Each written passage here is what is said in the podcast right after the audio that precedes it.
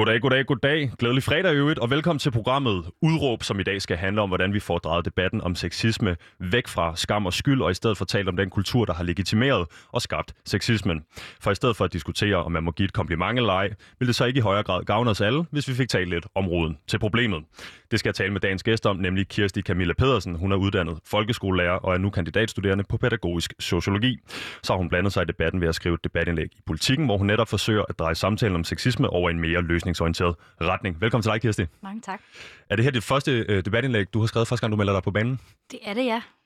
Det er det simpelthen. Og øh, hvad, hvad er ligesom, øh, hvad skal man sige, hvorfor vælger du at øh, blande dig i debatten på det her tidspunkt? Jamen, det skal lige siges, at jeg skrev debatindlægget for et par uger siden efterhånden, så der er rullet nogle hoveder i mellemtiden. Men øh, på det tidspunkt kom jeg til tasterne, fordi at jeg var en lille smule træt af. Jeg synes, debatten stod en lille smule stille. Jeg synes, øh, medierne havde enormt meget opmærksomhed på sig selv som branche. Og så var der enormt meget fokus på den, den konfliktuelle vinkel i forhold til, hvorvidt man skulle nævne navne, ikke nævne navne. Og øh, jeg synes i virkeligheden, vi trængte til at rette fokus hen mod, hvor sexismen egentlig starter, og på hvilken måde man rent faktisk kan ændre den i fremtiden. Og det er jo det, vi skal også prøve at, at høre om dine holdninger til i dag. Jeg tænker på, om du var en af de øh, mennesker, der sad tilbage i 2017 og tænkte, øh, hov, hvad blev der egentlig af den MeToo-debat i Danmark? Den fik der lov at rulle rimelig let hen over landet. Øh, det gjorde jeg ikke, øh, og det er egentlig et meget godt spørgsmål. Men, øh, men grundlæggende kan jeg godt se nu, at, at den kom jo aldrig rigtig i gang. Øhm, så, så det er kun på sin plads, at vi tager den nu her igen. Og det glæder jeg mig til. Jeg vil sige, på den her side af pulten, der står jeg. Mit navn er Vitus Robak, og jeg er vært næste times tid. Udråber jeg jo som bekendt Danmarks eneste ungdomsradioprogram, der giver en gæst, en time til at folde sine holdninger ud. Det gør vi for at kunne komme rundt i alle krone og blotlægge alle nuancerne. Men Kirsti, i dag så skal vi høre om dine holdninger til sexisme-debatten, og hvorfor du mener, at vi i højere grad er nødt til at tale om kulturen, som vi er vokset op i. Vi skal tale om, hvordan vi får ændret på sproget og får taget fat i snakken om sexisme, der hvor den egentlig stammer fra. Men Kirsti, her programmet så opererer vi jo med et udråb, øh, som gerne skulle indkapsle din holdning i forhold til dagens emne. Og hvad er dit udråb? Det vil være, lad os fokusere på sexismen der, hvor den starter. Sexismen der, hvor den starter. Og det er jo, øh, som jeg nævner i introen, også sådan, at du er øh, folkeskolelærer, du læser øh, pædagogisk øh, sociologi. Øh, så når du siger, der, hvor sexismen starter, så er det blandt unge mennesker, antager jeg? Øh, det er lidt et spørgsmål om høn, hønen og ægget, fordi det er jo selvfølgelig rigtigt, der er jo ikke nogen, der bliver idioter af at blive ansat et sted, så det må jo komme tidligere. Jeg siger ikke, at, at sexismen nødvendigvis starter i folkeskolen, fordi børn og unge har jo selvfølgelig også betragtet nogle voksne og kopieret dem, men ikke desto mindre, så er folkeskolen den institution, jeg ved noget om, og den, jeg har opereret i. Så det er den, det lille hjørne af kulturen, jeg kan udtale mig omkring, og der ser jeg et kæmpe potentiale i forhold til, at vi kan sætte ind i forhold til en længerevarende kulturændring. Ja, og vi har inviteret dig ind i studiet, øh, blandt andet øh, på grund af debatindlægget, på grund af der, hvor du står, hvad du arbejder med, men jo også fordi du er begejstret for unge mennesker, der har, eller fordi vi er begejstret for unge mennesker, der har øh, holdninger og meninger, og som tør blande sig øh, i debatten.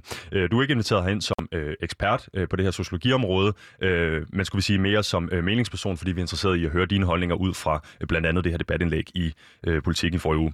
Øh, som nævnt i præsentationen, så er du uddannet folkeskolelærer. Hvor længe har du arbejdet øh, som folkeskolelærer? Det har jeg i fem år i fem hele år. Hvordan oplever du det her arbejde, øh, som man jo øh, langt hen vejen godt kan sige, er et arbejde, hvor man har øh, muligheden i hvert fald for at påvirke unge mennesker i en høj grad? Jamen, øh, det oplevede jeg som utrolig meningsfuldt, men øh, det er rigtigt, at man bliver tit konfronteret med det ansvar og den indflydelse, man har, men det er jo samtidig også lidt ligesom at være gardener og gå og vande en plante hver dag. Man ser ikke fra mandag til tirsdag den her store indflydelse, man har på nogle mennesker, men forhåbentlig har man sat et aftryk et eller andet sted. Og er der ligesom, øhm, er der noget, du, hvad skal vi sige, når du står op om morgenen og tager på arbejde og tænker, åh, oh, nu skal jeg have øje for Anna, eller jeg skal have øje for Mathias, eller jeg skal lige prøve at løse en eller anden debat her, øh, eller går du mere sådan, jeg skal egentlig bare ind undervise i noget, øh, i noget dansk og noget engelsk? Det kommer nok an på, hvornår du spørger mig. Det er et spørgsmål om overskud måske. Ja. Øh, fordi jeg tænker jo, at øh, på øh, de her øh, folkeskoleinstitutioner øh, rundt omkring i landet, så er der jo øh, der er masser af unge mennesker øh, og børn, og så er der masser af øh, lærere, der ligesom har, øh, som sagt, den her mulighed for at påvirke dem. Øh, oplever du, at øh, elever nogensinde kommer tilbage til dig og siger, at du har rykket på et eller andet for dem i forhold til deres syn på livet? Ja, det, er, det, det har jeg heldigvis fået lov at opleve. Det er mega fedt. Det tænker jeg også er en af, en af de helt store øh, gaver ved det arbejde. Øh, noget andet er, at du er øh, mor. Mm. Tænker du meget over, øh, altså en ting er de unge øh, mennesker, du arbejder med, og børnene, du arbejder med professionelt. Øh, tænker du også over, hvad det er for en ver- verden, du skaber for dit barn? Ja, det gør jeg helt vildt. Og jeg er enormt optaget af, hvordan vi, øh, vi mere eller mindre bevidst kommer til at reproducere nogle kønsstereotyper, som kan være en sten i skoen for vores børn, både piger og drenge. Og det er jo også derfor, jeg synes, vi skal have øje for den kultur, vi reproducerer, og se på, hvordan sproget kan være med til at forme kulturen. Og det skal vi også snakke om i dag. Men vi har jo også en målgruppe, der går helt ned til 15-årsalderen, så vil du lige måske hjælpe mig og lytteren med at, øh, at, at uddybe det her med at reproducere kønsstereotyper? Øh, ja. Øh, hvis man ser som en, kulturen som en skov, man står i, så kan det være svært at se skoven for bare træer, fordi vi er alle sammen en del af kulturen, vi er i kulturen, og vi genskaber kulturen i den måde, vi lever og vi taler på. Og, øh, og rigtig mange ting, nu når man taler om kønsstereotyper, så er der de her klassiske traver, man nævner det her med at være en tøsedreng eller en drengepige osv., som, som er med til at gens, genskabe nogle forestillinger om en rigtig dreng og en rigtig pige. Så på den måde rummer sproget et kæmpe potentiale for, at vi kan blive klogere, og, øh, og ved at være opmærksom på de ord, vi bruger, kan vi også være øh, med til at ændre kulturen fremadrettet.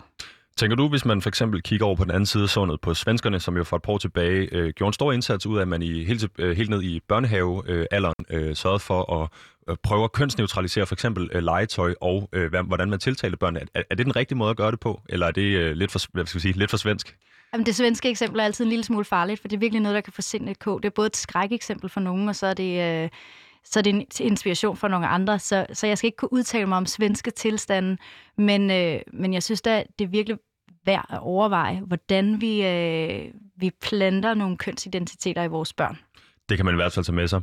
Du har jo skrevet det her øh, debatindlæg i politikken med en relativt lang rubrik, som lyder således. Elever nomineret lærer til årets TILF. Vi grinede på lærerværelset, men burde have taget det mere alvorligt. Mere alvorligt. Øh, til at starte med, hvad er, hvad, er en, hvad er en TILF eller en TILF?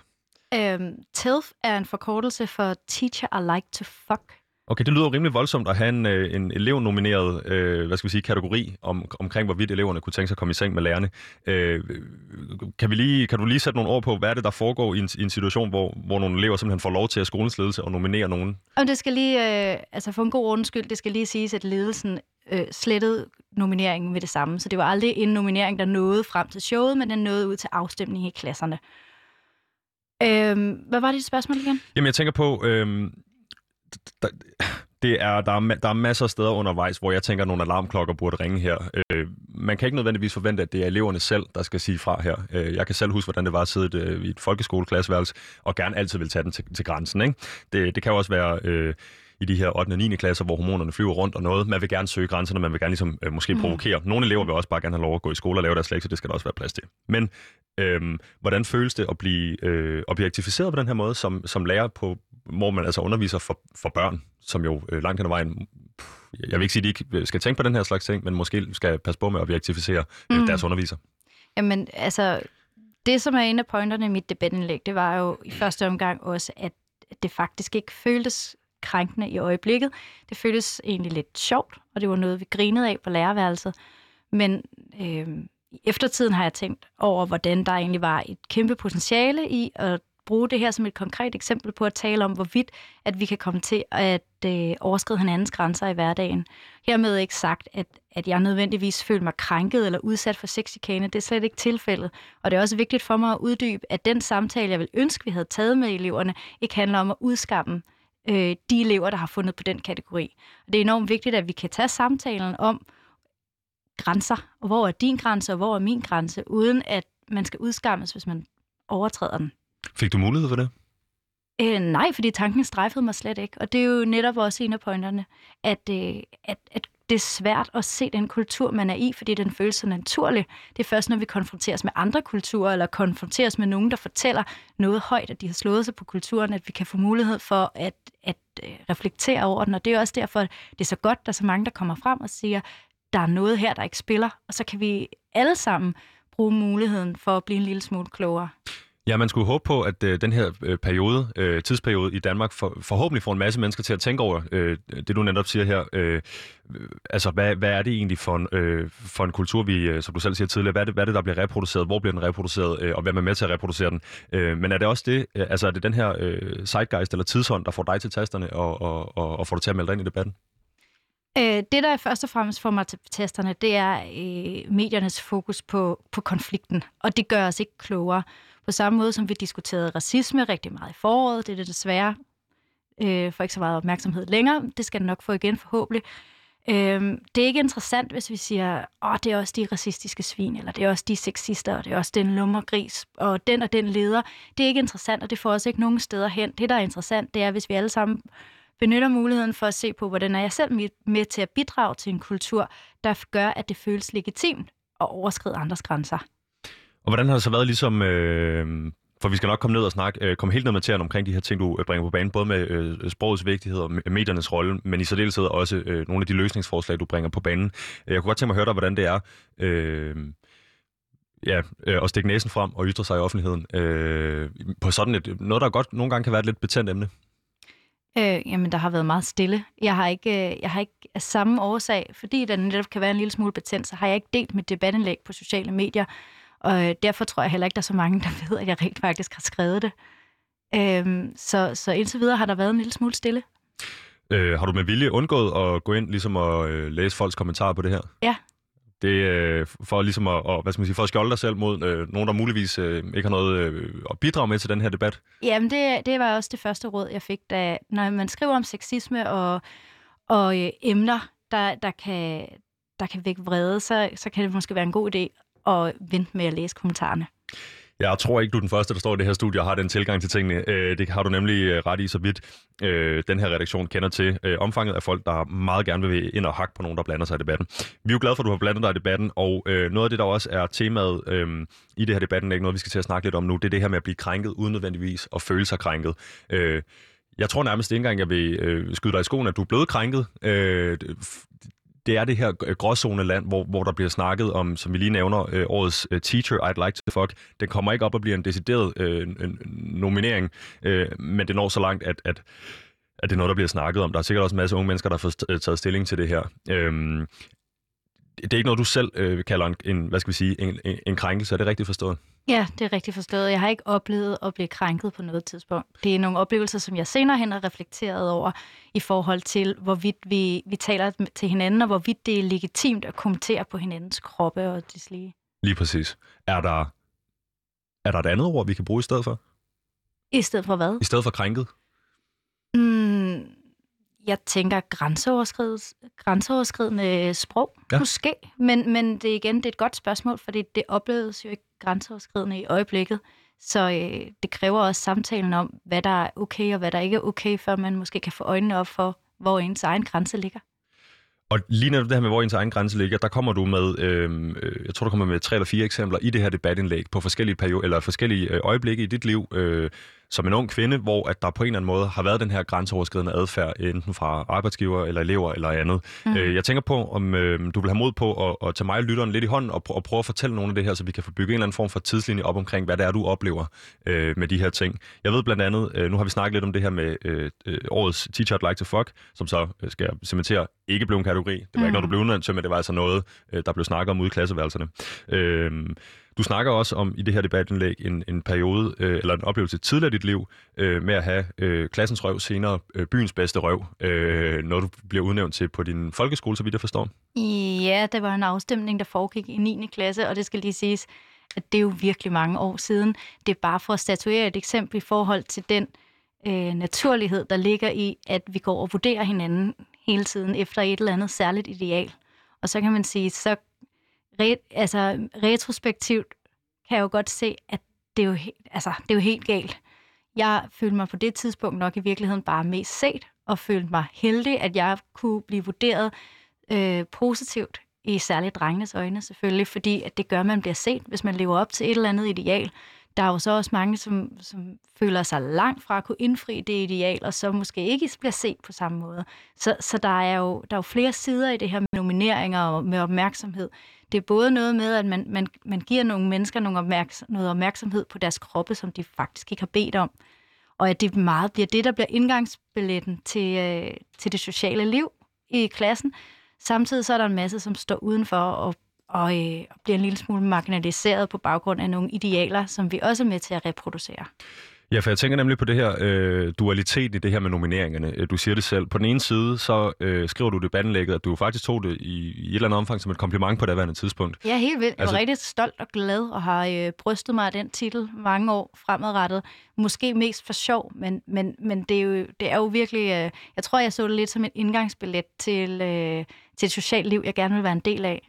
Ja, øhm, men lad os sige, du bliver, øh, du bliver ligesom, skal vi sige, kåret, eller hvad vi skal kalde ja, det. Øhm, lad os sige det. Så øh, dualiteten i det her er jo, der så også sidder, øh, der skal nok sidde en anden pige i klassen og tænke, åh, hvad så med min røv? Altså, øh, er, er den ikke god nok til at være klassens eller byens bedste, og Øh, og hvorfor får Kirsti den her opmærksomhed? Det er den ene side af det. Den anden side af det er, at du også nævner øh, i det her debatindlæg, at det er jo på en eller anden måde, som du siger det også nu her, det er lidt noget med at være måske en del af den gruppe, man godt gad at være med i, men det kunne måske også spille den rolle, at øh, den her øh, drengens accept af ens krop faktisk spiller øh, på daværende tidspunkt for dig en ret stor rolle. Altså, mm. det, det er noget, der betyder noget for dig. Kan du sætte lidt ord på det?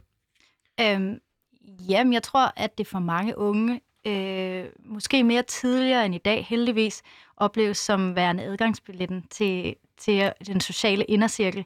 Heldigvis oplever jeg, at jeg er ret håbefuld på ungdommens vegne i dag. Jeg oplever heldigvis, at, øh, at der er mange unge, der tænker meget mere normkritisk, og som stiller sig kritisk over for, for de idealer, vi tidligere har, har set som en selvfølge. Så, så, øh, så jeg er ret sådan, øh, positiv på ungdomsvejene på den front.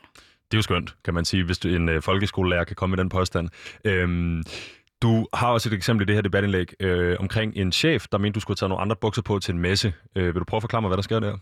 Og hvor gammel du er i øvrigt på det tidspunkt? Jamen, jeg tror, jeg er 25 år, og vi øh, er på en tøjmesse. Det er en, en butik, jeg arbejdede i, hvor, hvor jeg bare fik at vide, at jeg havde taget de, det forkerte tøj på. Jeg skulle have taget nogle bestemte jeans på, som han synes så bedre ud på mig som jeg øh, på daværende tidspunkt ikke rigtig løftede et øjenbryn over, fordi at, at jeg tror, jeg tænkte, det var naturligt, at, at nu stod vi der og repræsenterede hans butik, så måtte han jo også have en eller anden holdning til, hvordan det skulle tage sig ud, hvor jeg senere hen har tænkt, det på en eller anden måde også lidt for meget, at en mand på det tidspunkt, nogen af 40, skulle, skulle kommentere på det. Vi har jo hørt det begreb internalisering. Øh, jeg, noget, jeg øh, sådan først for alvor blevet opmærksom på her i forbindelse med øh, forårets øh, protester mod racisme blandt andet, men at øh, både kvinder og mænd, for den sags skyld, øh, kan opleve, at, at, at det ikke det er altså ikke min leder, den er gal med i den her situation, for eksempel, hvor du bliver øh, ligesom, jeg vil hverken sige udskammet eller udskældt, men hvor du får at vide, at, at, at ah, det var sgu de forkerte bukser, du havde taget på, indforstået, at der var, øh, tør vi godt sige, en bedre røv de andre, det er det, han anfægter. Mm. Øhm, så tager du det til dig, lyder det lidt som om, eller sådan, nå ja, men og det er jo også hans, du ved, det er jo hans forretning her, og jeg er måske en hemsko for det i de her bukser og så videre. Øh, vil du kalde det her en internalisering? Øh, altså sådan, øh, den her oplevelse af, at man, man, man som enten kvinde, eller som i det her tilfælde øh, ansat, altså i, i, i med, med en skæv magtbalance, kommer til ligesom at sige, så er det jo også min skyld.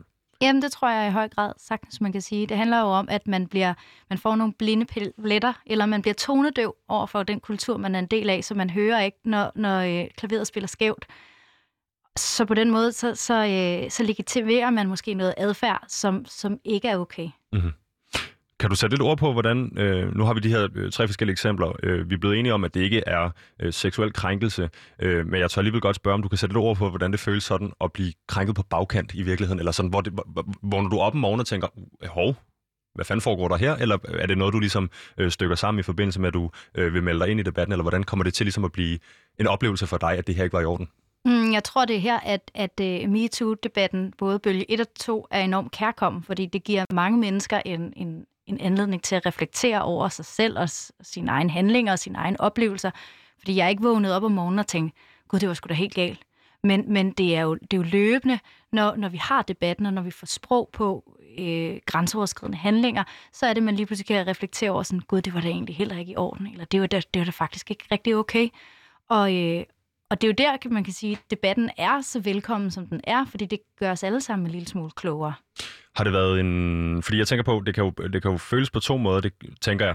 Nu skal jeg prøve at lade være med at sige, at vi kun har følelser af de her to kasser, men øhm, man kunne, øh, i forbindelse med de her MeToo, bølge 1 i 17 og nu øh, bølge 2, øh, tør jeg godt at kalde det her i 2020, øh, han, han en oplevelse af, at at, at det her, det, det hjælper med, at blandt, altså nu er det overvejende øh, kvinder, der melder sig på banen, men det hjælper nogle kvinder med at få sat nogle ord på det, hjælper nogle kvinder med at prøve at reflektere over, øh, hvad det er, der er sket, og hvorvidt det er okay tidligere i deres liv. Øh, tror du, der er noget sådan kulturelt fra den gang, øh, hvor de her ting finder sted. Øh, det er jo så henholdsvis øh, 7, 7, 12 og 15 år siden, at de her ting finder sted. Mm. Er der sket noget andet kulturelt, eller er det det her med, at er det virkelig den her øh, MeToo-bølge, der gør, at vi, kan, at vi står og har den her snak nu i virkeligheden? Og det er enormt svært at svare på. Øhm, jeg tror, der er, flere grunde til, at vi står og har den her snak. Og selvfølgelig kan man håbe på, at, at, øh, at kulturen også har ændret sig fra den gang, jeg selv er gået i skole, og jeg er som sagt også ret håbefuld på ungdommens vegne. Men, men, øh, men på mange måder kan man se, at, at ting sker. Kultur ændrer sig ikke af sig selv. Kultur ændrer sig, fordi vi tager stilling til den. Og, og det tror jeg, den her debat kræver. Og, og nu siger du det her med, hvordan det opleves som kvinde, og det er også vigtigt for mig at sige, at det er jo ikke en kønskamp, som jeg ser det. På, på ingen måde. Det handler ikke om, om øh, at nu er der en masse kvinder, der skal reflektere over, hvad mænd har gjort af grænseoverskridende handlinger mod dem. Vi skal alle sammen blive klogere. Ikke mindst fordi, at mænd jo selvfølgelig også kan have oplevet grænseoverskridende adfærd, bestemt. Altså, og, og på samme måde, så håber jeg da også på, at der er en masse mænd. Altså der, hvor jeg virkelig tænker, at der kunne, der kunne rykke noget, det er, hvis det kan blive en naturlig samtale mellem mænd. Også at have den her samtale omkring, hvad har I oplevet? Har I oplevet noget, der, var, der, der føltes ubehageligt, eller har I kommet til at handle grænseoverskridende over for kvinder. Hvis man kan tage den samtale uden at føle sig udskammet, så tror jeg, at vi kan alle sammen blive enormt meget klogere. Og det skal vi lige netop det her med, er det en øh, kulturkamp eller er det en kønskamp? Det skal vi snakke lidt om øh, lidt senere. Jeg tænker, jeg lige vil spørge dig, øh, nu når vi er på det her med øh, den sexistiske kultur. Øh, altså, eller det danske frisind, hygge, racisme, hygge, sexisme, alle de her ting, øh, noget vi også skal snakke lidt om. Men jeg tænker på, om øh, nu læser du sociologi, du er ikke øh, sociolog, du er øh, udtaler dig ikke som ekspert her, men oplever du, øh, at det danske sprog, eller måden vi bruger det danske sprog på, øh, har, en, har en magt over vores adfærd? Er der et eller andet i, i måden, vi bruger det her sprog på, der er med til at legi, legitimere øh, ah, de her, de her Øh, øh, øh, gråzonekrænkelser, eller øh, øh, hvad, hvad vi ligesom skal kalde dem. Altså når der bliver gået over, øh, når folk føler sig, øh, hvad hedder det, deres grænser overtrådt. Ja, altså, øh, altså man kan sige, vi, vi, øh, vi får meget credit for vores ord hygge, og hygge rømmer både øh, hyggeracisme og hyggeseksisme, der kan, komme, der kan komme meget med inden under hygge. Så øh, jeg tror også, vi er gode til at sige mange ting, der er ment for sjov, øh, men som ikke kan føles særlig sjovt. Og nu, det er ikke en bandertale mod, øh, eller en brandtale mod humor generelt, det, altså overhovedet, men, øh, men jeg tror, at vi bærer rundt på, på mange selvfølgeligheder i sproget, som, øh, som måske kan være meget fine at få set på. Men som måske også kan være med til ligesom, at forme handlinger og, og adfærd? Ja, i høj grad. Ja. Øhm, tror du så, øh, nu nævnte jeg det lige selv her, det her med det danske frisind, og, altså hvis jeg snakker med mine bedsteforældre, så ah, vi var det først i 69, så blev porno legaliseret, og øh, gang i det med alle mulige ting, der handler om, øh, altså, jeg vil ikke gå i dybden med det, men øh, min forældres opvækst, blandt andet på Anholdt, og øh, folk, der rendte rundt, altså alle var nøgne, og den her ting. Altså, der er jo noget med det danske frisind, som jo også har noget at gøre med, med, med, med kroppen, øh, og med, med seksualiteten osv. Øh, tror du, der er noget omkring sådan det at være dansker, øh, nu, nu snakker vi lidt om hyggeracisme, hyggeseksisme osv., er der noget andet omkring vores kultur, der måske gør, at vi er mere udsat end andre kulturer? Og det er virkelig svært at svare på. Jeg tror ikke, vi har patent på sexisme. Og, øh, og nu taler du om, om øh, pornoen frigørelse og seksualitet. Jeg tror ikke, sexisme har særlig meget med seksualitet at gøre. Det har mere med magt at gøre og magtudøvelse. Så når det øh, bliver gjort til en kønskamp, så handler det måske også om, at mænd traditionelt har siddet på nogle magtfulde positioner i vores samfund, og derfor er det i høj grad øh, noget, der udøves fra mænd til kvinder, men det er absolut ikke altid tilfældet. Så øh, jeg tror ikke, at, at, øh, at man kan sætte lighedstegn mellem en, en, et frisind på seksualitetens område og sexisme. Nej. Og det her med, øh, hvad skal man sige, øh, hvad det egentlig handler om, øh, vi oplevede, øh, og det skal vi også snakke lidt om, men vi oplevede det her i øh, så sent som i forgårs med øh, Radikale Venstre øh, og deres håndtering af, af den her interne sag med øh, Lotte Rod og Morten Østergaard. Øh, altså, øh, der er jo mange danskere, der har øh, virkelig for alvor inden for de sidste 48 timer, hvor det måske er gået op for dem. Hov, det er ikke, det er ikke et spørgsmål om, om, om sex, det her. Det er ikke et spørgsmål om nødvendigvis altid om, om de deciderede krænkelser. Det er også et spørgsmål om øh, øh, lederes magt over ansatte, øh, øh, i nogle tilfælde mænds magt over kvinder, øh, osv. Og det tænker jeg lige, vi skal snakke lidt om, øh, fordi du bringer selv medierne op tidligere som en relevant spiller, øh, når det kommer til sexisme-debatten. Øh, så sent som i forgår, som jeg siger, øh, Morten Østergaard, Lotte Rud, øh, mange mennesker følger den her øh, nyhed og tænker, hvad er det egentlig, der er foregået? Der må være foregået noget mere. Det kan ikke bare mm. være en hånd. Det må også have været klask i røven mm. eller en, en, en uheldig kommentar eller et eller andet. Øh, jeg tror nu, vi har lært, at, at, at, at virkeligheden langt hen ad vejen var, at det var dårlig håndtering fra Morten Østergaards side. Øh, men altså også dårlig håndtering af den her øh, øh, gråzonekrænkelse eller grænseoverskridende adfærd fra ham. Øh, vi har også oplevet, at Sofie Linde og Maria Fantino stod frem med deres MeToo-historie. Øh, og så fortsætter snakken i virkeligheden om, hvem er navnet, altså hvad er, hvem er navnet på krænkeren? Øh, hvad er de slibrige detaljer, ikke? se de vilde billeder. Øhm, og jeg tænker på, om det, om det ligner på den her slags håndtering af, af sådanne historier, der gør medierne øh, til en, en problematisk øh, agent eller spiller for dig. Jamen, det tror jeg, du har fuldstændig ret i, og det er jo i virkeligheden også det, der fik mig til tasterne. Det er jo en, en træthed over mediernes fokus på, på konflikten eller sensationen.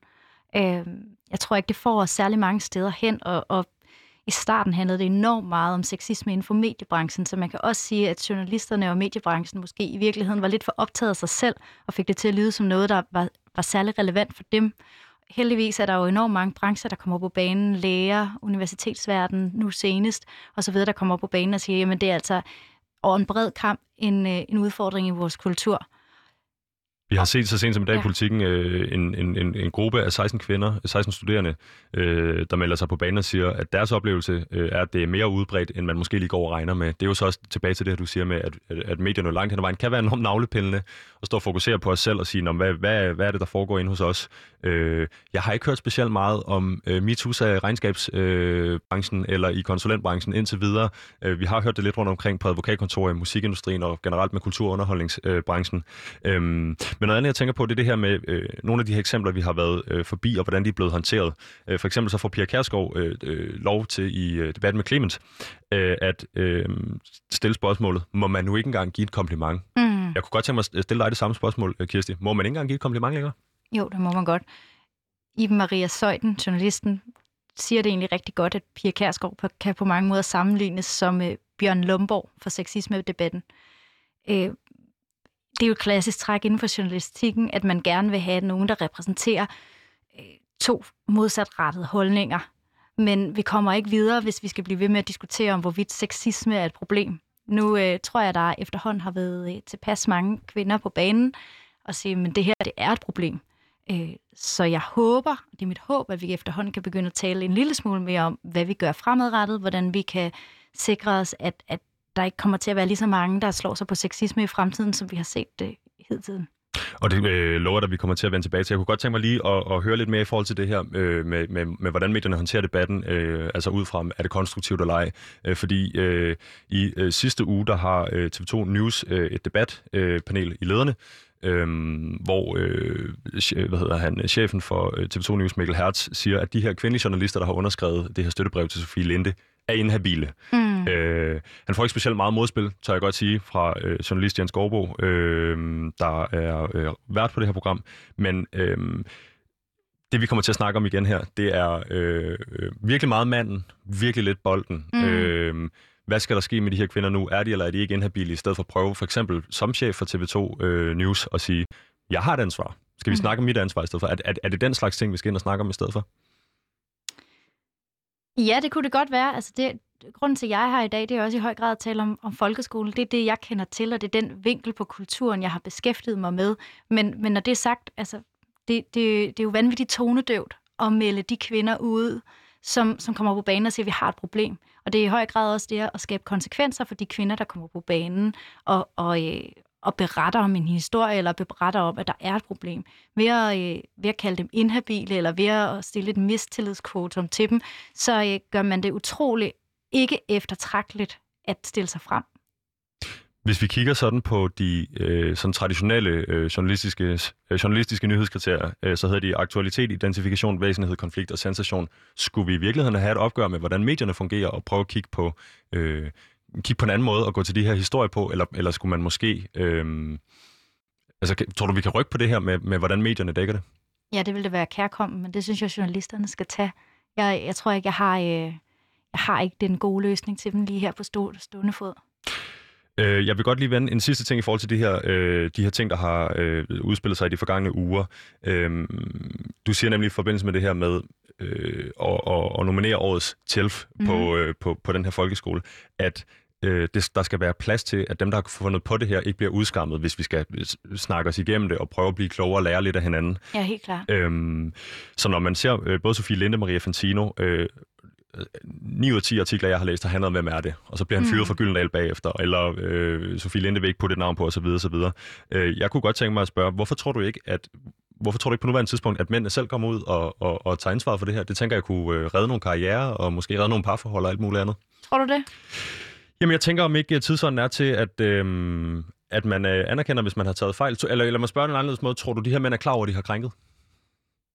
Altså, det skal lige siges, at, at øh, de to sager, du nævner, det er jo decideret chikane. Så, Hvilket er ulovligt ifølge dansk lovgivning. Ja. Øh, Sexchikane altså.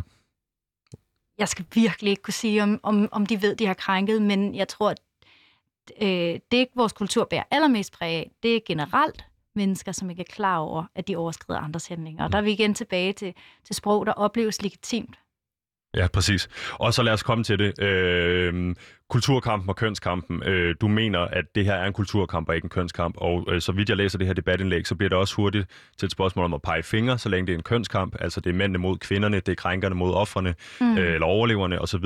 Øh, og, og, og, og, og du mener altså, at det er kultur, som er problemet, og kulturen, øh, når vi snakker om sexisme. Tror du, at man kan sige, at kulturen har skabt en eller anden form for en, for en, for en blink vinkel over for det her? Ja, i høj grad. Altså, der er, jo ikke, der er jo ikke nogen, der bliver idioter eller krænker af at blive ansat et sted. Det er jo en adfærd, de har med sig, og, og der må være noget, der opfattes legitimt, siden man gør det i første omgang. Og, og, og, og der har jo sikkert været, der har sikkert været mange smådumme kommentarer frem til egentlig chikanerende og krænkende adfærd.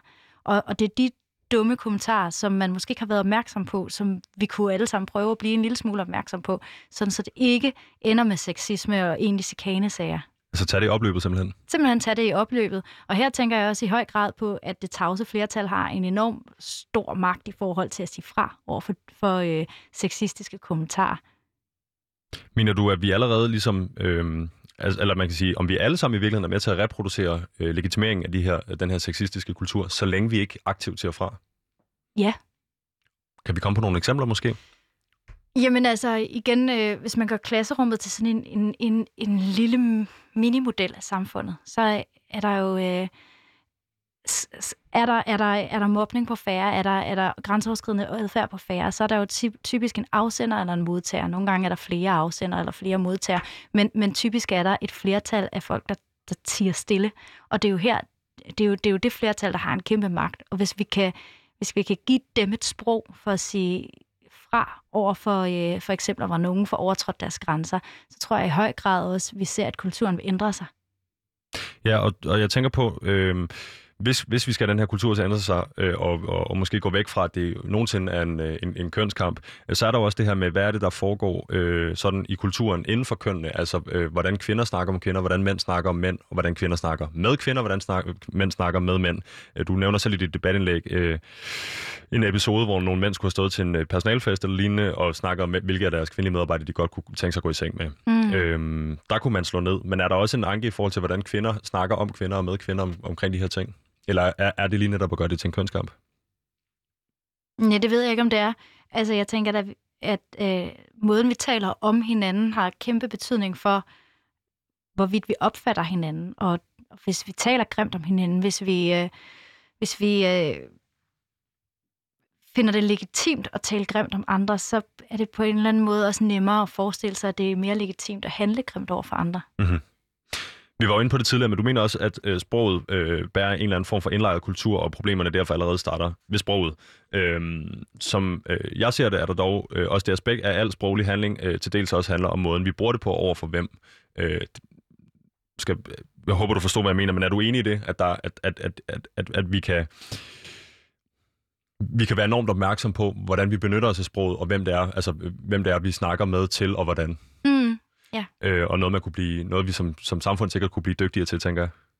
Ja, i høj grad. Altså sprog er jo på mange måder, det er jo ligesom at klæde sig på med tøj. Altså hver, hver anledning har noget, der er mere passende end andet. Så det er jo ikke fordi, der, altså, det er ikke fordi, vi skal dømme noget sprog ude. Der skal også være plads til, til grænsesøgende sprog, og der skal også være plads til, seksualiteten kan, kan leve i sproget. Det handler bare om at kende, kende rette tid og kende rette sted, kende sin besøgstid.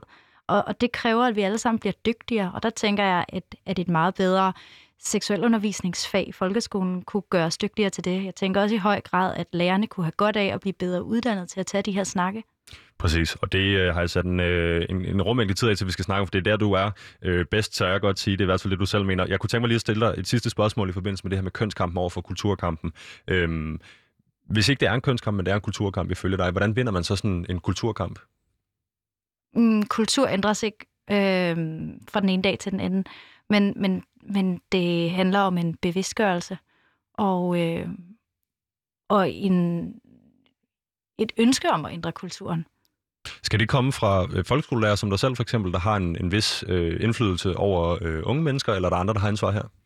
Jeg tænker i hvert fald, det er et rigtig godt sted at starte. Folkeskolen er jo som institution enormt kulturbærende og kulturreproducerende, så det er et virkelig oplagt sted at rette kigger den hen for at se på, hvordan vi ændrer kulturen. Og så tænker jeg til sidst, er der noget, du tænker, der aktivt sådan modarbejder den her øh, sejr i, i, i kulturkampen mod øh, sexisme? Er der, er, der, er der noget lige nu, der for eksempel bare er lodret i den modsatte retning? Ja, nu spørger du, om man må give et kompliment. Mm-hmm. Øhm, det resonemang modarbejder en kulturændring. Det her med øh, spørgsmålet om, skal vi nu have svenske tilstanden? Må man nu ikke give et kompliment? Må man ikke flytte længere? Det her med, at, at hvis du er repræsentant for at vil ændre en kultur, som færre mennesker udsættes for sexisme, at du bliver sat i bås med en eller anden... Øh, en, en meget, øh, hvad kan man sige, en kultur, hvor, hvor, hvor man... Øh, hvor man låser hinanden fast, og hvor man ikke må sige noget til hinanden osv. Den opfattelse og det resonemang, som også har fået enormt meget plads i medierne, er også med til måske at skabe en modvilje mod, at, at det kunne være vores allesammens opgave at bevæge kulturen i en retning, hvor færre mennesker slår sig på den. Ja. Så havde jeg planlagt, at vi skulle lege en, øh, en lille leg omkring nogle sexistiske ord, men jeg tror egentlig, at øh, jeg vil præsentere øh, tanken omkring lejen, og så kan vi snakke om øh, noget, du og jeg også snakker om, inden vi gik i studiet. Øh, tilbage til, jeg vil sige, det er ikke mig, der stiller spørgsmål omkring, øh, og må man ikke give et kompliment, det er selvfølgelig Pia Kærsgaard. Jeg øh, videregiver blot øh, budskabet, men man skal jo også passe på, for man har jo, øh, jeg som journalist har et ansvar, øh, og, og som en, øh, en del af mediebranchen. Men jeg havde tænkt mig, at vi skulle lege en lille leg. Jeg havde taget fem ord med til dig.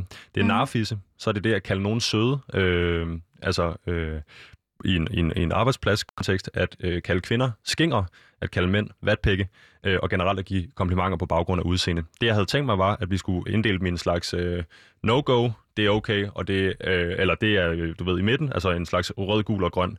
Øhm, du sagde noget øh, enormt interessant, inden vi gik i studiet. Vil du prøve sådan, og, og, og kan du komme igen på det? Jamen det er igen det her med, at jeg vil egentlig gerne sabotere lejen lidt til at starte med, fordi at sproget er jo kontekstuelt og relationelt, og med det betyder det, at der er noget, der går i en sammenhæng, som ikke går i en anden. Så vi, vi kan da godt lege den leg, hvor vi tager et ord op ad gangen, og så kan jeg sige, om det er no-go eller ikke no-go. Men sandheden er jo, at jeg vil virkelig gerne kalde søde af mine veninder og min kæreste og min familie og mine nærmeste, men jeg vil ikke kalde søde af min chef, fordi der er et, et magtforhold, og han har bærer nøglen til en, øh, en, min næste opgave, min næste ansættelse. Jeg vil, ikke, jeg vil ikke ses med de øjne af ham. Så derfor kan man sige, at sprog passer til forskellige sammenhænge. Øh, jeg ved ikke, om det var svar på dit spørgsmål. Det, jeg tænker, det var. Jeg tænker også, hvis jeg lige må stille et øh, lille follow-up om, om, om, er det i virkeligheden ikke bare op til... Øh, er det virkelig ikke op, altså, er det ikke op til, det, til individet at, at, at, at vurdere det her? Øh, og er det derfor ikke også individet, vi skal uddanne? Jamen, det er et virkelig godt spørgsmål, fordi det handler også om, om den, den her problematik skal løses af individet eller kollektivet. Og øh, man kan sige, en, en individfokuseret holdning vil måske sige, jamen nu skal vi lytte, og så må det være øh, op til den enkelte at have røv nok i bukserne til at sige fra, når, når tilfældet er at, at, at man får overskrevet sine grænser. Problemet er bare, at, at hvis man er tonedøv over for kulturen, så får man ikke sagt fra, fordi det opleves ikke som grænseoverskridende i øjeblikket. Men, men, øh, men det kan være med til at, at reproducere en eller anden legitimitet ved at sige noget, som faktisk ikke er okay. Mm-hmm. Øh, hvis vi går kollektivt til værks, hvad jeg synes, vi bør gøre, så handler det jo om, at vi netop skal have, skal have give stemmer til det tavse flertal, og vi skal alle sammen blive bedre til at reflektere over, hvordan vi selv bruger sproget, og hvordan andre bruger sproget, og sige far over for, når noget ikke er okay. Øhm, ja. Jeg føler, ja. det var mere fyldesgørende, end at stå og skulle øh, spille bold med nogle ord her. Øh, men det var lige netop det, jeg ville øh, frem til det her med, hvem det egentlig er, der bærer ansvar. Nu spiller jeg et lille klip for dig, og så skal vi øh, tage fat på den her snak med der, hvor du er øh, allerskarpest, nemlig hvad der foregår og hvad vi kan gøre ved det i folkeskolesystemet. Det kommer her. Yes. Vi får ligesom ikke formået at hæve debatten, og jeg tror også, det var det, der skete i 2017, derfor at MeToo var sådan et lille blup i Danmark. Så mm. rørte vi lidt i gryden. Der var en, der kom hjem på en overlov, og så var vi videre. Altså lige nu, så bliver der også debatteret ekstremt meget om, hvorvidt jeg skal nævne navn eller ikke skal nævne navn. Og retorikken går lidt på, så kan vi få det her afsluttet. Det her skal ikke afsluttes som Sofie Linde siger her til sidst, og retorikken går lidt på, at så skal vi få det her afsluttet, men som hun siger, at det her det skal ikke afsluttes. Altså underforstået, at vi skal hæve debatten fra navnenævnelse øh, og de slibrige detaljer til en snak om magtmisbrug på både arbejdspladsen, øh, men øh, jo også, øh, og det her, øh, Kirsti, det vi har glædet os til at komme frem til, øh, ikke blot på arbejdspladsen, men også på alle mulige andre institutioner, og i særdeleshed i, øh, på institutioner, hvor man har unge på virkelige mennesker. Mm. Øh, fordi du kunne godt tænke dig, at sexisme-debatten blev vendt væk fra skam og skyld, og blev drejet over en mere konstruktiv og løsningsorienteret retning. Øh, så jeg tænker, Øh, nu har du, du har nævnt det tidligere, øh, men kan jeg ikke lige få igen, hvad er det for nogle øh, løsninger, du umiddelbart øh, tænker, der kunne øh, være gavnlige, øh, når det kommer til folkeskolesystemet? Først og fremmest så tænker jeg, at faget seksuel undervisning fortjener meget større opmærksomhed i folkeskolen. Lige nu der øh, er det noget, der, der flyder lidt ud, og så giver sex og samfund faget noget opmærksomhed i uge 6, og det kan være, at man ude på skolerne griber bolden, men ellers er det meget tilfældigt, hvor lidt og hvor meget seksuel undervisning eleverne rent faktisk får. Der er et kæmpe udviklingspotentiale her. Og så er det også vigtigt, at vi hæver faget til at handle om øh, reproduktion og prævention, men til rent faktisk at tale omkring grænser og kropsskam og alt det her, som, som fylder noget for de unge, og som er med til at øh, skabe nogle kulturer, som ikke måske er hensigtsmæssige for mange. Og dernæst så øh, på pædagoguddannelsen har de et fag, der vist nok hedder køn, mangfoldighed og diversitet. Og det er meget en gåde, hvorfor lærerne ikke skal have det fag. Når man tænker på, hvor mange timer vi er sammen med eleverne, og hvor stor indflydelse vi har i folkeskolen på eleverne, så burde lærerne også fagligt være klædt bedre på til at have de her samtaler. Og der tænker jeg, at, at det kræver noget politisk opbakning til, at lærerne selvfølgelig også skal have det fag på deres uddannelse. Så lad os starte med den her forbedrede øh, seksualundervisning. Jeg kan huske, da jeg gik i folkeskolen, øh, der havde vi noget, der hed klassens team. Mm. Jeg så tror, i bodybio? Øh, jeg tror, jeg så vi bodybio. Jeg husker det ikke. Det var i starten af nullerne, det her.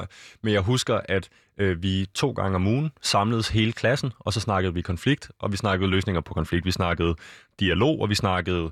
Øh, øh, den her pige har følt sig trådt over tæerne, hvad kan vi gøre det som et fællesskab? Den her øh, dreng føler, han er udenfor, hvad gør vi ved det? Mm. Det ved jeg, der ikke er tid til længere på folkeskolen. De her klassens timer er øh, enten sjældne eller faktisk øh, helt væk. Mm. Øhm, så siger du, at der i uge 6, i forbindelse med sex og samfunds, øh, det her, øh, det er vel snart 10-15 år gammelt koncept, hvor, hvor man sætter uge 6 af, øh, ugen inden vinterferien, til at, at have virkelig meget fokus på øh, hvad hedder det, seksuel undervisning.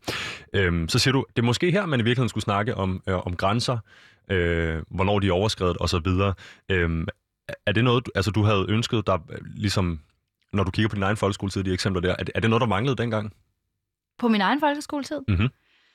Jeg, jeg mindes også, at vi havde klassens time. Øh, jeg ved bare ikke, om det er det, der er løsningen. Jeg har det enormt dobbelt med det, fordi det kræver godt nok også, øh, det kræver også et fagligt greb at håndtere det her med at tage konflikter i plenum eksempelvis. Mm-hmm. Et klassisk greb på klassens team, det er det her med, nu, nu, skal vi, nu skal vi virkelig have det godt med hinanden. Så laver vi roserunden, og så øh, sætter vi Sofie ind i midten, og så skal alle sige noget pænt. Men man ved bare godt, at når der bliver sagt, dine sokker er ret pæne, at så er det ikke rigtig fedt. Det er ikke et rigtigt kompliment. Nej. Så, så der er enormt mange faldgrupper i det fag. Jeg vil meget hellere have noget undervisningsmateriale, som måske retter sig ud af klasseværelset, og som kan få os til at reflektere over generelt, hvordan man bør opføre sig, øh, frem for at spise drømmekage og tale om en konflikt i frikvarteret.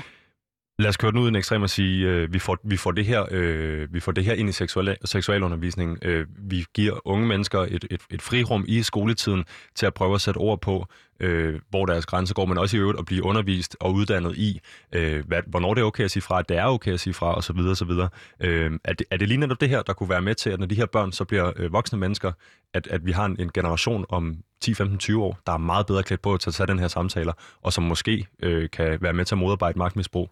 Ja, det håber jeg da. Det er da helt, helt sikkert mit håb. Det er jo så ligesom, hvad man kan udsætte øh, eleverne for. Det andet, du nævner, det er det her med opkvalificering af folkeskolelærerne. Øh, du nævner det her fag, som er på pædagoguddannelsen, men som ikke er på folkeskole, altså på, på lærerseminaret. Mm-hmm.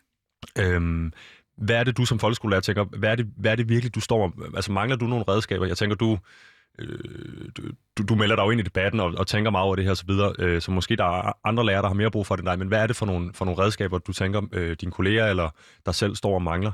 Jamen, jeg, jeg tænker da i høj grad også, at jeg mangler nogle redskaber, og jeg vil enormt gerne blive klogere og, og uddannes mere ud i det her. Men, men jeg tænker, at, at ligesom det er selvfølgeligt, at en lærer skal, skal have pædagogik på sin uddannelse, så tænker jeg bare, at den, det fag bør ligesom have en overbygning, som netop retter sig mod diversitet, mangfoldighed og køn, øh, så vi øh, kan blive bedre til at stille, øh, stille rigtige spørgsmålstegn ved nogle selvfølgeligheder, der lever ude i skolen, og som ikke ændrer sig, hvis ikke vi i tale sætter dem. Uden at have opkvalificeret folkeskolelæreruddannelsen, og uden at have de her øh, tiltag i seksualundervisningen, øh, så er der så sket det, at, øh, og nu vil jeg skyde dig i skoen, hvis det her med årets TELF var sket i sidste uge, mm-hmm. eller i forbindelse med afslutningen af skoleåret sidste år, så har du taget en snak med dine elever. Er det rigtigt forstået? Eller antaget? Altså, det vil jeg da helt vildt gerne sige. Ja, selvfølgelig havde jeg det, men det ved jeg ikke, om jeg havde. Ja, men det er fordi, jeg tænker, om der ikke også ligger øh, noget tidsånd nu, som uden de her øh, tiltag øh, ligesom har, har, har skubbet debatten ret langt, og måske i virkeligheden også kunne være med til at, at influere øh, beslutningstagerne ude på for eksempel lærerseminaret, mm. og beslutningstagerne på folkeskolerne, øh, til at tillade de her ting, øh, kan få lidt mere fokus. Du tænker, at vi allerede er blevet klogere på baggrund af den debat, der har været nu? Ja, både det, men jeg tænker også, om, om, om den her debat i virkeligheden også hjælper dig på vej med de her to ting, øh, du tænker vil være gode forslag. Øh, om, om, om, om øh, 2017 MeToo-bølgen. Øh, jeg, jeg føler ikke, den fik nok opmærksomhed. Nu er det heller ikke mig, det handler om. Nu, nu er der opmærksomhed, vi står og snakker om det nu i studiet øh, på den her anden bølge. Øh, jeg tænker bare egentlig på, om du tænker, at det, at, om det ikke spiller i den her retning. Er det, er det ikke lige netop nu, at man, at man, kan, man kan smede? Jo, det håber jeg da. Og jeg håber, der er nogen, der har lyst til at tage et politisk initiativ. Jeg vil meget gerne være med til at lave det fag. I ringer bare. Øhm, så, så det vil da kun være dejligt jeg, jeg tænker også, at, at der sker jo også nogle ting uden for folkeskolen, og kulturen retter sig, ændrer sig jo også lige så stille i og med, at vi generelt bare sætter fokus på sagen. Øh, så jeg tror da bestemt, at, øh, det, at jeg tror, at den nominering vil ikke finde sted i dag. Det håber jeg ikke, og jeg, og jeg tænker allerede, at, at, øh, at der, der er mange, der tænker sig bedre om slagsiden af den her debat, det er jo, at man skal ikke lade være, fordi man siger, at nu må vi heller ikke sige noget til hinanden længere, eller det, det kan også give en enorm berøringsangst. Og det er jo også en af grundene til, at den her samtale er vigtig, fordi selvfølgelig skal vi kunne give komplimenter, og vi skal kunne flytte, og vi skal kunne tale frit med hinanden, og seksualiteten skal også være der. Den er også vigtig. Den kan vi ikke, den kan vi ikke ligesom gemme væk i forsøget på, at ingen må få trådt, altså, fordi, altså, få, for, altså, ja, øh, så, så, så, så vi må ikke derhen, hvor, øh, hvor debatten ligesom bare giver alle mennesker mundkur på og tænker, Ej, jeg siger ikke noget, og så, så er der ingen skov at klinke. Øh, det er jo netop det, at vi kan, vi kan tale om det, der, øh, der, der rykker noget. Og ikke bare tale om det, men tale om det uden skam er jo også det, du øh, kommer ind på i det der debatindlæg. Så er det i virkeligheden øh, pangdangen eller modstykket til øh, Pia Kærsgaards øh, spørgsmål, må man nu ikke give et kompliment mere, eller Øh, vi har hørt det i forbindelse med samtykkelovgivning. Åh, skal jeg nu til at have en underskrift frem, inden jeg skal have samleje, osv. osv. At det her med at kunne tale om tingene, råt for udsødet, også helt ned med, med, med unge mennesker, mm. øh, uden skam, er det, i virkeligheden, er det virkeligheden noget af det, der er rigtig, rigtig vigtigt her? Ja, det tænker jeg. Og, og altså, det er jo så vanvittigt trættende med de kommentarer, fordi det er jo med til at afspore debatten, som om, at, at dem, der ønsker at have den her samtale, er interesseret i, at vi ikke må give komplimenter. Det er der, det er der aldrig nogen, der har sagt. Og jeg tror ikke, der er nogen, der mener det. Tænker du også, det er noget med at, at, at have...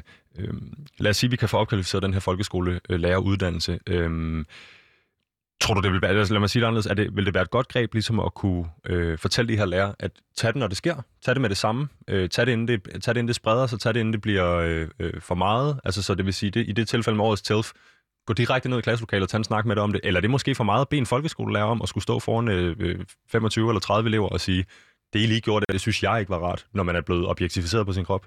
Ja, det vil jeg da. Jeg vil da i den grad ønske, når jeg ser tilbage på det, så vil jeg da i den grad ønske, at jeg havde, som jeg sagde før, haft røv nok i bukserne til at tage den, da det var der. Altså netop det her med at sige, øh, altså, der er ikke nogen, altså, der flyder ingen tårer her, venner, men, men vær klar over, at, at I er virkelig ude på tynd is, og det er, jeg har ret til at komme i skole uden at blive vurderet. Jeg, jeg komme på arbejde, er det jo så ligesom I har ret til at komme i skole, uden at skulle blive vurderet ufrivilligt på jeres kroppe. Det lyder som det. Øh, så siger du tidligere, øhm, du oplever nu, at dine elever er mere normkritiske. Øhm, du fik ikke sagt en dag, end det du selv gik i skole, det antager jeg. Øh, mm. vil, du, vil du prøve at sætte lidt ord på det her? Øh, for det første måske lige forklare øh, lytteren, hvad det vil sige at være normkritisk, og så, sige, og så sætte lidt ord på, hvad det er, du egentlig oplever, der er sket i udviklingen øh, blandt folkeskoleelever, som du ser det. Ja, altså norm, øh, som, som man kan høre ordet, det handler om, hvad der er anset for normalt. Og når man er normkritisk, så er man god til at stille spørgsmålstegn ved, øh, ved det normale. Og det er, er der mange flere, der kan sige noget klogt om, end, end jeg kan.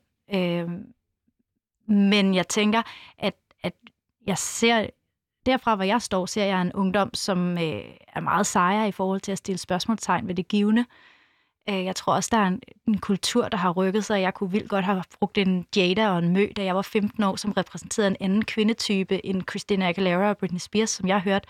Så på den måde sker der også rigtig meget for kulturens side, som er til gavn for os alle sammen. Kunne det måske endda være, at man oplever øh, i udskolingen, at øh, nogle elever måske er foran lærerne i, i forhold til at, at, at, at, at, og i talesætte de her ting? Og... Ja, det tror jeg da helt sikkert, og på den måde er jeg også meget optimistisk. Jeg tror, der er enormt meget at spille bold op af, hvis man som lærer kommer ned i en klasse og, og siger, nu, skal vi, øh, nu sætter vi fokus på det her. Så øh, jeg, tror, der er, jeg tror, der er masser af arbejde med, og jeg tror jeg gerne, øh, eleverne vil tale om det. Hvor tidligt tror du, man kan sætte ind her? Altså seksualundervisning er øh, mig bekendt først noget, der starter i slutningen af mellemskolingen eller i udskolingen. Øhm, kan, man, kan, man, kan man formulere, øh, nu sagde du, I ringer bare tidligere, kunne vi, kunne vi brain lidt på, om man kunne formulere noget til de helt unge elever? Det kunne fx være sådan noget som noget mindfulness eller et eller andet, hvor man prøver lige at følge efter, hvordan man rent faktisk har det. Mm. Eller er der en aldersgrænse for at prøve at forstå de her øh, tematikker osv.? Det er det, det er det, jeg leder efter. Ja, Øh, nu opererer jeg mest op i ud, udskolingen, så jeg skal ikke kunne sige, hvornår man kan sætte ind i forhold til de små elever. Øh, men, men altså generelt ved jeg da, at man i udskolingen taler grænser og god opførsel hele vejen igennem, så det er der jo ikke noget i vejen for, tænker jeg umiddelbart. Jeg husker også i udskolingen, at der var rigtig meget fokus på, øh, det var der også hjemme fra mine forældre, når nogen siger stop, så er det stop. Øh, hvis nogen for eksempel græder, eller vender ryggen til, eller et eller andet, så prøv at læse deres kropssprog. Mm. Øh, det er ikke altid, at ting bliver sagt med ord. Det er ikke altid, der bliver sagt øh, fra, fra, øh, når nogen føler sig øh, overskrevet i grænserne. Øh, og i min egen folkeskoletid igen, det er mange år siden, der, der forsvinder den lidt ud i mellemskoling, og så kommer man til det der omkring 8. klasse, hvor øh, så stikker hormonerne helt af, og det der med at gå i skole handler sådan set bare at komme over og, og, og være sammen med sine venner, og langt hen ad vejen, og prøve at få noget undervisning ind ved siden af. Det er din opgave selvfølgelig. Er der... Øh, at, at jeg tænker på, øh, jeg tænker på, jeg tænker på de der 8. klasse, jeg tænker på min søskende, der lige er, er ude af 8. klasse. Hold kæft, der er mange hormoner, der er, det er alt muligt spiller. Øh, kan man, er, det, er, det, er det i virkeligheden der? Altså er det i virkeligheden der, hvor seksualiteten udvikler sig, og, og, og, og, og det vil jeg ikke sige nødvendigvis gør helt noget i folkeskolen, det er også forskelligt fra elev til elev osv., men er, er det der, man skal gribe dem? Ja, det tænker jeg, der er oplagt. Ja. Jeg tænker, at de er enormt formative i de år, og, øh, og de er interesserede i verden, og de vil gerne diskutere verden. Så altså, det er fuldstændig oplagt sted at sætte ind. Så vil jeg spørge dig øh, her, for vi er ved at løbet tør for tid, øh, tid. Tror du, det her øh, kan lade sig gøre? Er du fortrøstningsfuld om, at vi for eksempel kunne se nogle øh, forbedringer på de to eksempler, du kommer med, med forbedret seksualundervisning og opkvalificering af folkeskolelærer? Ja, hvis, hvis, øh, hvis der er en interesse i, at, at debatten kan forholde sig mere løsningsorienteret, så tror jeg, der er et kæmpe øh, udviklingspotentiale. Indtil videre, så er, det meget, er der meget fokus på, på den enkelte sag, og jeg håber, vi kan rykke os lidt videre for det. Ja. Hvis øh, vi kort kigger på et øh, uddannelsesforløb, som starter i folkeskolen, og så kommer man videre på en øh, 10. Klasse, en HF, et gymnasie osv., øh, tror du også, at der ligger et ansvar øh, for de videre uddannelsesinstitutioner, eller er, er du mest fokuseret på, at det er, det er her i de formative år, øh, de 10 år, man går i folkeskole, at man virkelig rykker på tingene? Jamen, vi skal alle sammen have fokus på det her. Jeg, har, jeg ved noget om folkeskolen, det er derfor, jeg fokuserer på det. Jeg håber også, at man ude i gymnasierne og de videregående uddannelser generelt sætter fokus på, at det skal være nemmere at kunne komme ind og berette om grænseoverskridende adfærd. Der skal være meget mere fokus på at skabe et godt miljø, både øh, på uddannelser og på arbejdspladser. Kirsti, det vil lade være øh, det sidste ord i øh, samtalen i dag. Jeg vil sige tusind, tusind tak, fordi du kom ind og gæste mig i studiet. Tak, fordi jeg måtte komme. Øh, og øh, som sagt, øh, sæt fokus på, hvor sexismen starter, var øh, Kirsti Camille Pedersens øh, udråb for i dag. Øh, den her udsendelse kan, ligesom alle andre udsendelser, findes på, øh, hvor end du henter din øh, podcast. Det kan være Apple Podcast, Spotify osv. Øh, programmet, du har lyttet til, øh, var som sagt udråb med mig, Visus Robak, her på Loud. Programmet var produceret af Rakker Park Productions. Til rettelægger og producer hedder i dag Maja Bader. Hvis du sidder derude med en holdning, så skriv ind til os på udråbsnabelag